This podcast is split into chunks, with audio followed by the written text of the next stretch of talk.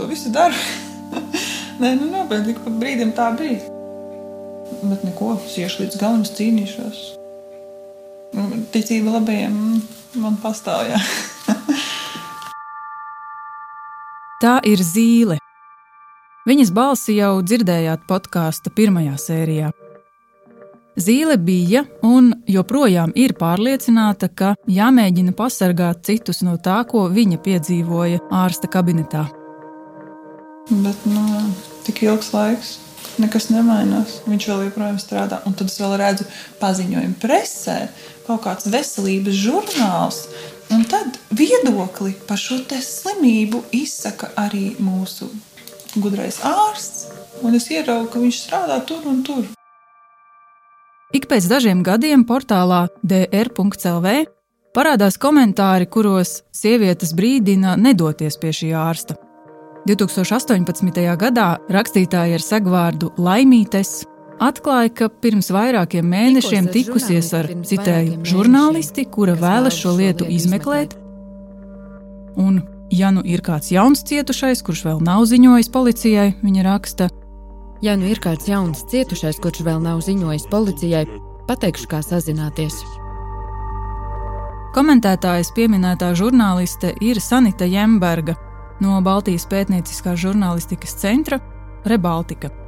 Vai tu vari salīdzināt, ko tu sagaidīji no policijas, kad gāji uz turieni ar beigu rezultātu? Viena no ārsta bijušajām pacientēm sazinājās ar žurnālistiem un izstāstīja par savu pieredzi un kriminālu lietu, kas pēc četrus gadus ilgas izmeklēšanas līdz tiesai tā arī nenonāca. Gribējās jau arī liekas, to sajūtu, ka, kad kāds pa īstam pasaka, ka tas, ne, ne, tas absolūti nebija ok. Tas nedrīkstēja notikt. Bet galvenais man tas, es domāju, tas, kas man joprojām neļauj to lietu tā atstāt, nu, tas, ka es zinu, ka tas cilvēks joprojām strādā. Jebkurā dienā kāds mans radinieks, paziņas, draugs vai arī pilnīgs svešs cilvēks var nonākt tādā pašā situācijā. To man neliekas pieņemami, godīgi, saprotami. Tāds, man liekas, mēs taču dzīvojam 21. gadsimtā tiesiskā valstī. Šī ir Latvijas radio dokumentālā audio stāsta Vajadzēs noģērbties otrā sērija. Mani sauc Justīne Savicka. Dalīties ar piedzīvoto piekrīt arī citas pacientes. Viņas viena par otras eksistenci uzzināja internetā, un Sanita Jemberga uzaicināja mani turpināt pētīt, kas un kā notika patiesībā. Es sāku ar jautājumu, kas tas ir par ārstu, imunologs? Vienkāršāk sakot, ir tā, ka ir e, sirds slimības, ir nieru slimības, ir plaušu slimības un ir imūnās sistēmas slimības, jo tas arī ir orgāns, kuram ir savas izpausmes. Tā ir viena no 18 Latvijas imunologiem - Inese Mihailova. Viņa ir praktizējoša ārste un Rīgas Stradiņu Universitātes asociētā profesore. Mm, nu, varētu teikt, šo slimību, ja vienā vārdā nosaukt, tas ir imūndeficīts. Un šis imūndeficīts var būt eh, gan pārmantots, iedzimts, genētiski noteikts, gan to var iegūt eh, slimojot ar dažādām slimībām un eh, lietojot dažādus medikamentus vai kāda slimība to izraisa. Vēršos tieši pie Mihailovas, jo viņa ir arī autore un vadītāja imunoloģijas rezidentūras programmai. Ir tādi četri imūndeficīta izpausmes veidi. Pirmais tās ir biežas infekcijas, un tas varbūt ir tas biežākais veids, kāpēc cilvēki nāk pie imunologa. Jo tā situācija bija tāda, ka nu, man ģimenes ārsts visā tur rīkās, un tas nu, es uz pieminēju. Otrais tās varētu būt autoimūnas slimības, treškārt tās ir alerģiskās slimības un audzēji. Kad es absolūti nesaprotu, kas notiek ar manu veselību, Um, jo alerģijas ir bijušas visu mūžu, bet ir kaut kāds pilnīgi jauns hauss. Loģiski, ka visas šīs slimības arī ārstē kaut kādi nu, speciālisti, kas ir pamatā ir, ir specializējušies. Līdz ar to arī Latvijā ir imunologi, kas ir onkologi, ir imunologi, kas ir alergologi, pediatri imunologi, jo tieši bērnu vecumā bieži šie imundeficīti arī izpaužās. Bet, protams, ir arī imundeficīti, kas ir ļoti daudz arī pieaugušiem cilvēkiem. Man bija ģimenes ārsta nosūtījums, un es pierakstījos pie imunologa Stradiņas slimnīcā. Nonācu kā, jā, uz konsultāciju pie viņa. Un tāpēc man iesaka doties pie imunologa. Viņš saka, ka stradiņos, zvanu stradiņiem, saka, ka tur pieņem viens Evgenijs Nikiforenko.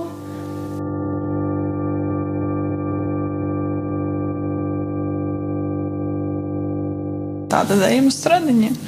Pieteicos pie Nikiforenko. Ārstniecības personu reģistrā ir viens cilvēks ar šādu vārdu - Jevgenijs Nikiforenko. Viņam ir derīgs ārsta imunologa certifikāts.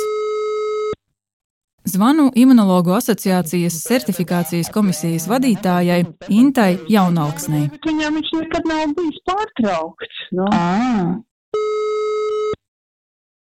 Nu, droši vien kaut kāda medicīnas centra. Viņš strādā vienkārši kā imunologs. Viņš jebkura medicīnas centra var strādāt. Tā ir Margarita Citoviča, Imunologu asociācijas certifikācijas komisijas sekretāre. Ja viņam nav anulēta certifikācija, viņš var strādāt. Šobrīd Nikiforenko ir tikai viena darba vieta, un tā nav ne Stradiņa slimnīca, ne arī medicīnas iestāde Pulss 5 Rīgā. Tas bija kur jūs pie viņa gājāt? Latvijas ielā, tajā plus pieci telpās viņam bija kabinets. Mm -hmm.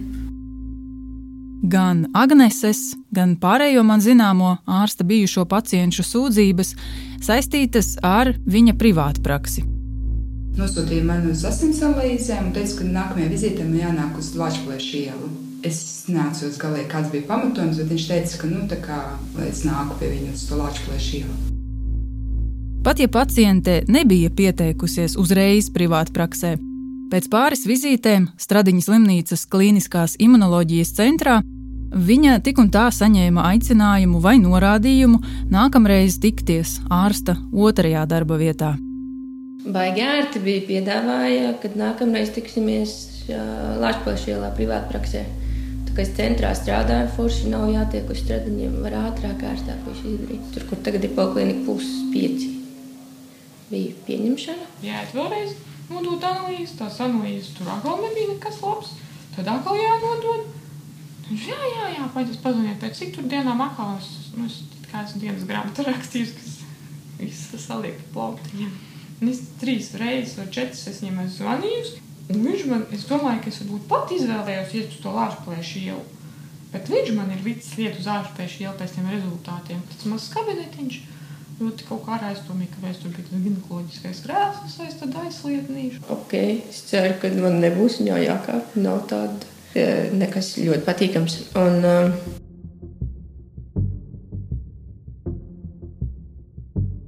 Latvijas ielas privāta prakse.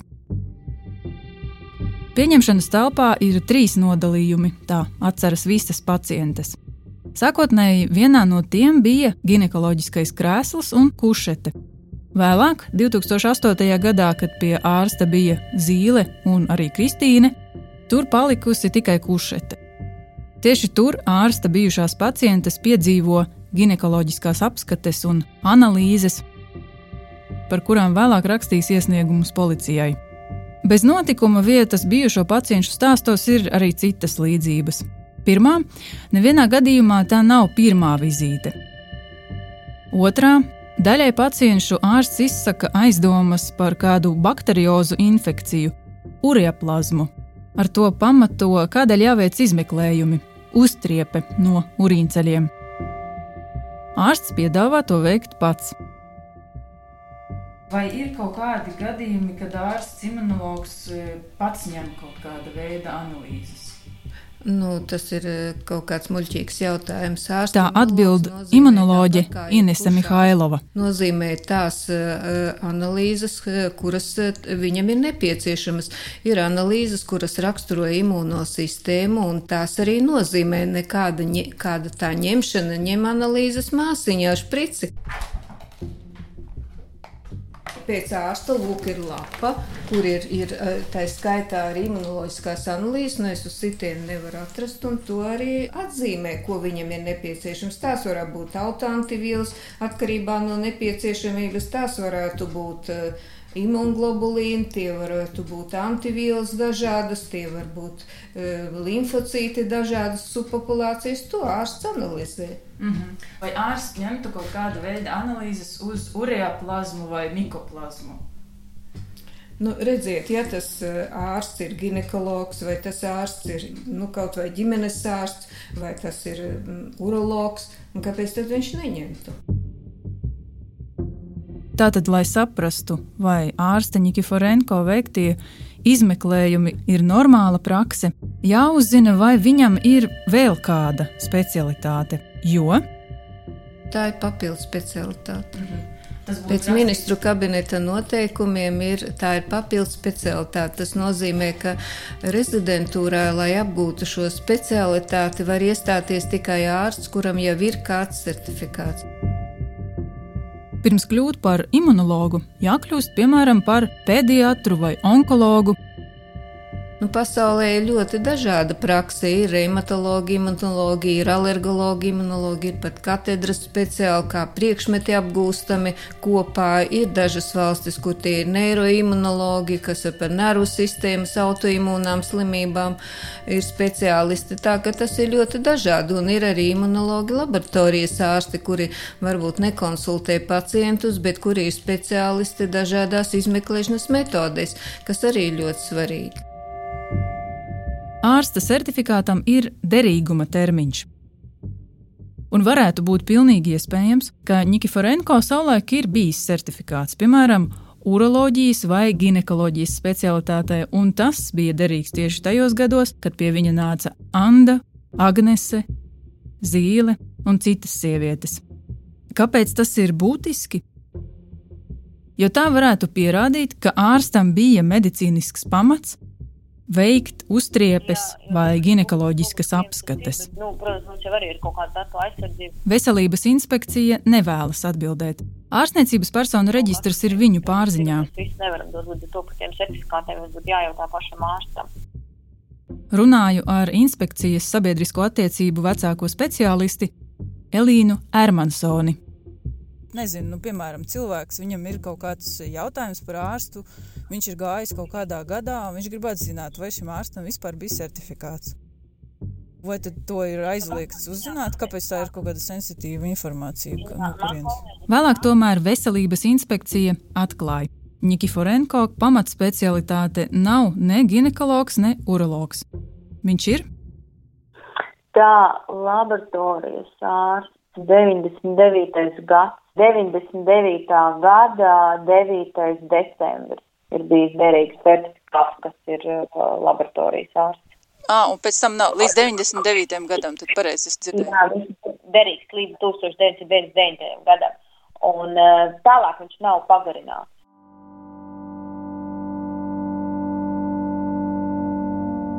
Viņš teica, lai es noģērbjos līdz apakšveļai, un tad uh, Es biju kabinetā, man liekas, tas man bija pārsteigums, ka viņš kas tā nebija nu, sagatavots, ka viņš teica, ka es no, novakarī viksītas. Paņēmu to paraugu, un viņš arī ginekoloģiski mani pārbaudīja. Un vienīgais man bija sajūta, ka tā vizīte nu, tā pārbaude ir bijusi garāka nekā pie ginekologa.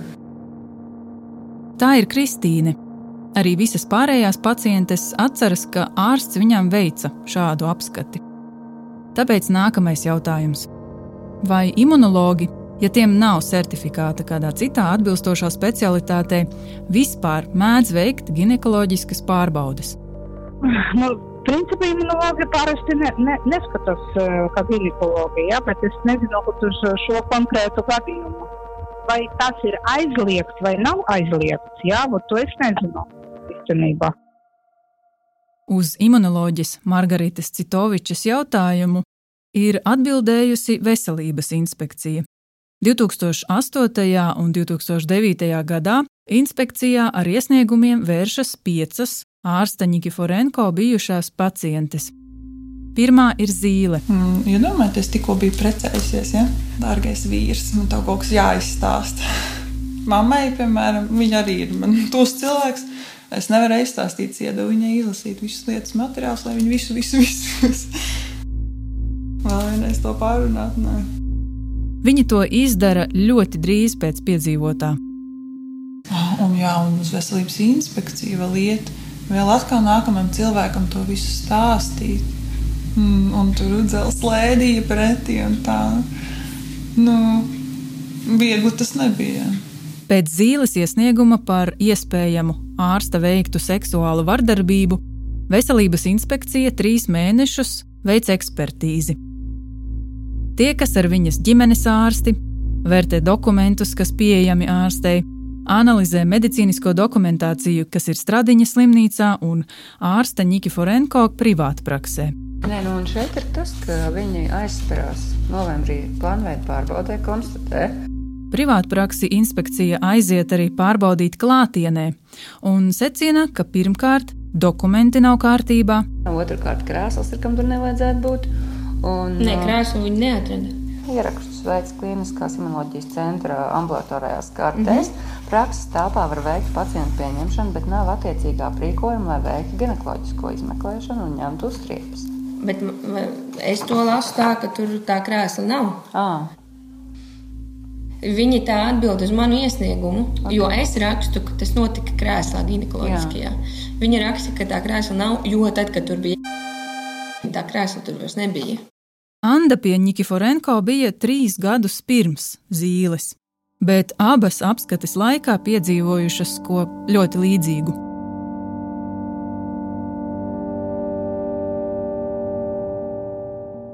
Nu, jā, un tad viņš sāka veikt to, ko viņš sauc par olīķu izmeklēšanu. Kas sākumā bija, viņš vienkārši uzvilka cimdus un ielika vagīnā divus pirkstus. Pats sākums vēl ok, vēl tāds. Izņemot to, ka parasti, tā, kad to dara ginekologs, viņš izmanto piemēram arī otru roku, lai, lai loģiski kaut ko satāstītu. To viņš nevienā brīdī nedarīja. Vienā brīdī, salīdzinoši ātri, tas jau sākās, kad viņš brutāli ar uh, īkšķi uh, uzspied uz klitora. Un, uh, un vienkārši tā kā roku nu, kā kustināja. Vai atceraties interneta saraksti no podkāsta pirmās sērijas? Inspekcijas pārstāvji tiekas ar Nikiforenko un uzrāda viņam arī to. Ārsts raksta paskaidrojumu inspekcijai, un tas ir citēts atzinumā, ko ekspertīzes beigās saņem zīle.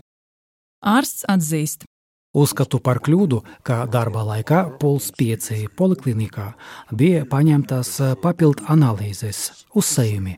Tālāk sūtīšu tikai pie speciālistiem. Nikiforenko raksta, ka domā pārtraukt savu praksi Puls 5 poliklinikā. Nav nepieciešami apstākļi, lai paņemtu kvalitatīvi uzsējumus.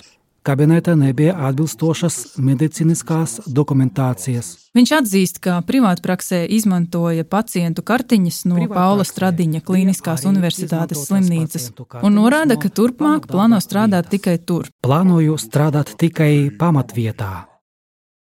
Un patiešām, pēc četrām dienām un vēl divu bijušo pacientu iesniegumiem veselības inspekcijai, Nikiforenko Puls 5 vadībai uzraksta iesniegumu par prakses slēgšanu.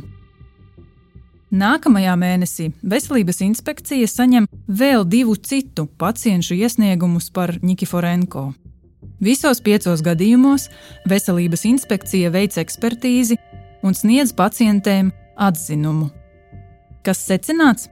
Bez visa iepriekš minētā inspekcija norāda, ka Pēc vispār pieņemtās prakses medicīnā ginekoloģisko izmeklēšanu veids ārsts, ginekologs un dzemdību speciālists speciāli aprīkotā telpā. Savukārt, imunologs ir tiesīgs praktizēt savā specialitātē, nozīmēt un izvērtēt izmeklējumu rezultātus imūndiagnostikā. nepieciešamības gadījumā nozīmēt papildu izmeklējumus un citu ārstu konsultācijas, dot slēdzienus savas specialitātes ietvaros un nozīmēt ārstēšanu. Tā raksta Veselības inspekcija. Ārsts viņiem nenoliedz, ka veica ginekoloģiskas apskates, bet tās medicīniskajā dokumentācijā neparādās. Pacienta kartēs tas nav pierakstīts. Kā redzams, šajos atzinumos neparādās svarīgākais jautājums, uz ko savos iesniegumos norādīja sievietes - iespējama seksuāla vardarbība. Kā veselības inspekcija rīkojas gadījumos, kas ir saistīti ar seksuālu vardarbību, vai nu, kas vispār ietilpst veselības inspekcijas kompetencē, kad izmeklē šādus pacientu iesniegumus? Mm. Atbilstoši ministru kabineta 309. Veselības inspekcijas sabiedrisko attiecību speciāliste Elīna Ermansone. Līdz ar to inspekcija veids pārbaudas un veselības aprūpes kvalitātes izvērtējumu, ņemot vērā medicīniskajos dokumentos veiktos ierakstus, ārstniecības personu paskaidrojumos minēto kopsakarā ar iesniedzēju iesniegumā norādīto. Inspekcijas kompetencē nav izvērtēt un uzraudzīt seksuālās vardarbības gadījumus. Bet, ja atzītu, ka tur ir pamats, tad jau sanāk, ka tā nav kvalitatīva veselības aprūpe. Mm. Es varēšu tikai jums atbildēt uz tiem jautājumiem, kas ir sagatavoti un atsūtīti.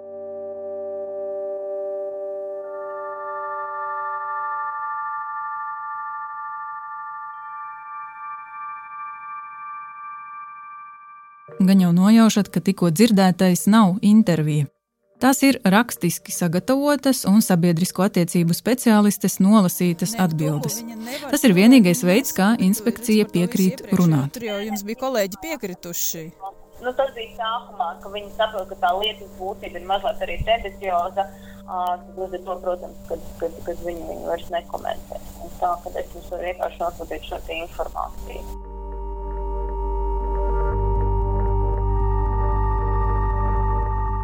Arī pacientes 2009. gadā no Veselības inspekcijas saņem atbildi, ka izvērtēt iespējamu seksuālu vardarbību nav viņu kompetencē. Tas ir jautājums tiesību sargājošajām institūcijām. Un tieši to pacientes arī dara. Viena pēc otras policijā vēršas vairākas sievietes. Četras tiek atzītas par cietušajām, divas par lieciniecēm. Kā ar lietas izmeklēšanu veicās policijai? Par to nākamajā podkāstu epizodē. Mans vārds ir Justīna Savicka, podkāstu producente ir Anita Brauna, skaņu režisors Ivo Tauriņš.